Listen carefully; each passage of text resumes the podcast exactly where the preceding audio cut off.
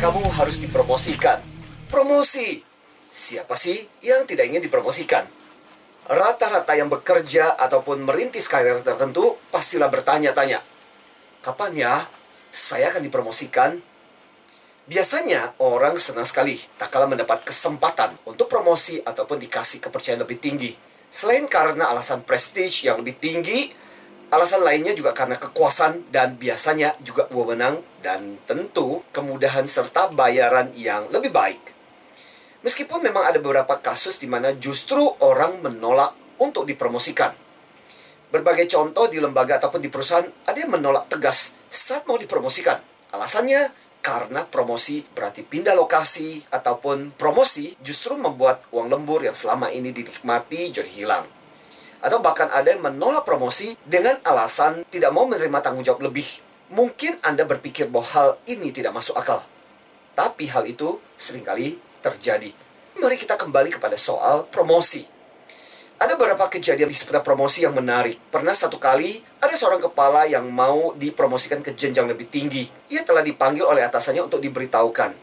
Tapi ia masih diwanti-wanti agar jangan mengumumkan dulu kepada publik sebelum benar-benar dilantik. Namun, rupanya ia sudah tidak sabaran. Ia pun mengadakan pesta sebelum ia dilantik. Padahal, pengumuman promosinya belum terjadi. Akhirnya, pestanya ketahuan dan ujung-ujungnya justru ia batal dilantik. Atau ada pula yang ketika sebelum promosi orangnya sangat baik sikapnya, khususnya kepada tim dan rekan-rekannya. Tetapi setelah dilantik dengan posisi yang baru, apa yang terjadi? Sikapnya berubah dan orangnya malah cenderung sangat bosi dan tidak ramah lagi. Ada pula yang sebelum dikasih kepercayaan dan posisi, orangnya sangat santun, tunduk dan yes man. Tapi setelah mendapatkan posisi, orangnya justru menjadi arogan, sombong, bahkan menjelek-jelekan pimpinan yang dulu melantiknya. Itulah yang membuat soal promosi bukan soal hanya mengangkat seseorang yang bisa bekerja di suatu posisi tertentu. Ternyata pertimbangan pengangkatan seseorang biasanya agak rumit. Apalagi dengan posisi yang akan ditempatinya, kekuasaan dan wewenang menjadi begitu besar. Kita tentu masih ingat dengan pepatah, dengan semakin besarnya kekuasaan yang diberikan, tanggung jawab juga semakin besar. Tetapi biasanya orang nggak melihat itu. Orang cuma berpikir, dengan semakin besarnya kekuasaan, maka kewenangan, kemudahan, dan peluang memperkaya diri menjadi semakin besar. Itulah sebabnya tidak semua orang layak untuk dipromosikan. Promosi pada orang yang salah bukan saja berakibat buruk bagi kinerja tim, tapi juga berdampak merusak organisasi dan merusak apa yang dibangun selama ini. So, mengapakah Anda ingin dipromosikan? Apakah karena wewenang, uang, dan kekuasaan, ataukah karena ada alasan yang membuat Anda layak dipromosikan? Menariknya, semakin egois alasan Anda untuk dipromosikan, semakin tidak layaklah seseorang untuk dipromosikan. Uh, emang ada ya yang menolak dipromosikan? Betul banget. Aku tuh pernah diajakin ngobrol ini dari salah satu TV. Terus dia cerita mau dipromosikan, mau menjadi asisten produser. Tahu nggak Antoni? Dia nolak loh. Alasannya nanti akan semakin besar tanggung jawabnya. Aku Ya. nggak kepengen direpotin dengan banyak hal dan sebagainya. Itu yang pertama. Yes. Terus kemudian belum lama nih, ini Hmm. ketemu dengan adik kelas yang saya tahu dia benar secara karakter tuh bagus dan sebagainya. Ya. Dia cerita juga, Mhm. iya kak aku dalam masa promosi nih. Wes. Terus kemudian respon kamu gimana? Aku tanya begitu. Mm. Aduh kayaknya enggak deh. Begitu Pak Antoni. Menarik, ini kasus-kasus yang agak sedikit kelainan ya, Kelainan anomali, ya. agak sedikit berbeda. Jadi nggak semua orang selalu pengen promosi, apalagi terkait dengan uang lembur, uang pendapatan, uang yang diperoleh jumlahnya yang lebih kecil.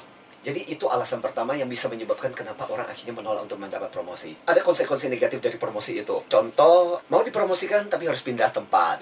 Malah kadang-kadang selain pindah tempat bisa juga pindah daerah, pindah ke luar negeri. Atau misalnya comfort zone jadi hilang. Merasa bahwa nanti aku hilang kebebasanku. Ah. Atau misalnya contoh jadi kontraproduktif. Misalnya kalau selama ini ada tunjangan lembur, tunjangan ini, itu, dan sebagainya. Tiba-tiba setelah promosi tidak akan mendapatkan semuanya. Ada juga alasan yang sifatnya personal. Kalau aku dipromosikan berarti aku harus menggeser si ini.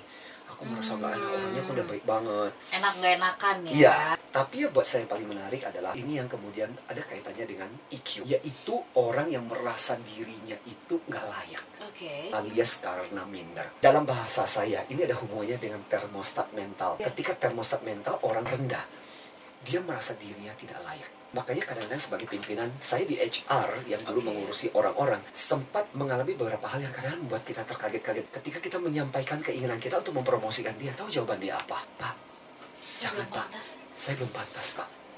Tapi kalau Bapak memaksa untuk mempromosikan saya, lebih baik saya pindah aja deh Pak. Wow. Ya, ada lima pertimbangan. Bukan kartu kartu. HR nih. Satu capability kerja kita. Kamu bisa kerja nggak? Kamu mampu atau nggak selama ini? Kamu bisa melakukan pekerjaan itu-itu aja atau bisa dipercaya untuk sesuatu yang lebih besar? Track recordnya gimana? Yang kedua, acceptability. Lingkungan. Penerimaan lingkungan terhadap kamu gimana? Kalau kamu hadir, kira-kira orang-orang di sekitarnya akan terima kamu atau nggak? Jangan-jangan no comment lagi. Atau pertimbangan yang menarik juga adalah motif dan ambisi. Orang yang terlalu ambisius itu menakutkan. Karena orang-orang seperti itu akan membuat kita jadi ragu-ragu. Ini kalau dipromosikan jangan-jangan dia akan abuse powernya, akan menyalahgunakan wewenangnya. Pertimbangan yang keempat, karakter pribadi. Ini bicara menyangkut sikap, tabiat, orangnya temperamental nggak? Kalau ngomong suka jelek-jelekin orang nggak? Orang-orang yang toxic. Nah, hati-hati tuh kalau sampai dipromosikan. Nanti berubah jadi toxic leader. Iya, toxic employee jadi toxic leader. Toxic leader. Terakhir, ongkos promosi kita. Untung ruginya kalau kamu dipromosikan. Jangan sampai kerugian yang harus ditanggung. Kerugian itu problem yang terjadi, masalah yang terjadi. Saya masih ingat ini cerita dari Microsoft. Kalau kamu dipromosikan, orang yang menggantikan kamu itu bisa melakukan pekerjaan kamu, se-capable dengan kamu, atau bahkan lebih bagus daripada kamu atau enggak? Hmm, kayaknya nggak bisa deh. Sorry ya, Anda belum layak untuk dipromosikan. Gitu. Setuju banget. Ya. Karena promosi itu juga berarti harus siap untuk menyiapkan regenerasi. Jangan maunya kita juga ingin ke atas, tapi kita tidak mempertimbangkan bahwa pekerjaan kita nanti dilanjutkan sama siapa. Bener, bener. Posisi ada, orangnya mampu, dan karakternya menunjang. Oke. Semua line. Ideal banget itu. Itu promosinya mulus lah. Tapi gini, ada posisi nggak? Ada. Orangnya siap nggak? Kagak. Yang menentukan siap atau tidak bukan kamu. Yang menentukan siap atau tidak adalah manajemen. Jadi nggak capable, nggak mampu. Kadang-kadang organisasi sampai meng-hire dari luar. Dan kemudian gini, ada orangnya siap, tapi posisinya nggak siap. Eh ready, ready pak, posisinya ada belum. Oke. Atasannya belum pindah. Berapa tahun lagi? Kayaknya 10 tahun lagi. Aduh. Oh. Dan kemudian orangnya mampu, posisinya ada, tapi ada pertimbangan lain kalau orang itu dipromosikan. Jadi kenapa? Orang dipromosikan. Pertama karena memang sudah saatnya. Udah kelamaan Oh, barangkali. berdasarkan usia kah? Usia kan tiba giliran dia untuk dipromosikan. Atau misalnya karena memang nggak ada yang lebih layak. Bisa saja sebenarnya dia belum tiba saatnya, tapi dia yang paling capable Oke. untuk posisi saat itu. Maka kemudian akhirnya dipromosikan. Tahu bisa, nah ini pertimbangan namanya L factor, likability factor, faktor kemenarikan. Apakah appearance mu bagus, lu cantik, lu ganteng? Bukan di situnya, Oke. tapi lebih kepada menurut Tim Sanders ini adalah faktor yang membuat kenapa seseorang punya chemistry lebih nyaman, lebih enak dengan orang tersebut. Nah ini L faktor. Misalnya contoh tiga direksi sepakat orang ini mau dipromosikan.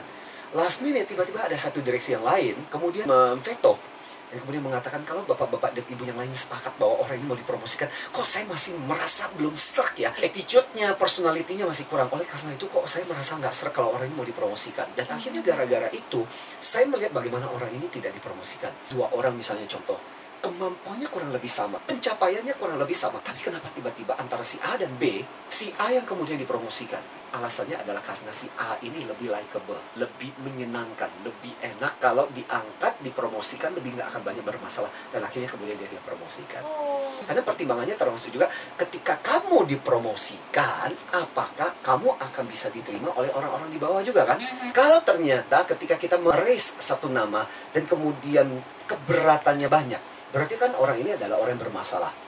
Nah, biasanya bermasalah pun kita pertanyakan bermasalah karena apa? Karena bisa saja gini, orang tidak diterima bukan karena dia yang bermasalah, tapi orang-orang lainnya yang bermasalah. Dia lurus, orang lain nggak lurus.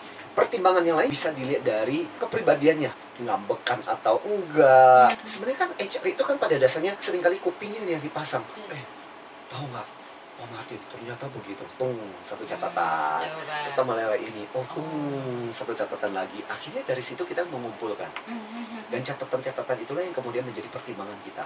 Ada catatan yang bisa jadi pertimbangan, ada catatan yang kemudian tidak bisa kita pertimbangkan karena mungkin nggak valid, karena kemudian orang itu berseteru dan sebagainya. Kita juga harus mempertimbangkan masukan-masukan seperti itu. Catatan buat manajemen HR. Satu, jangan silau oleh CV, latar belakang, kata-kata Yang penting adalah sebenarnya hasil. Promosi itu harus berdasarkan realita, bukan berdasarkan janji. Terus attitude, acceptability, integrity itu jadi pertimbangan. Kadang ada juga yang dia bagus kerja, tapi sikapnya itu bosi.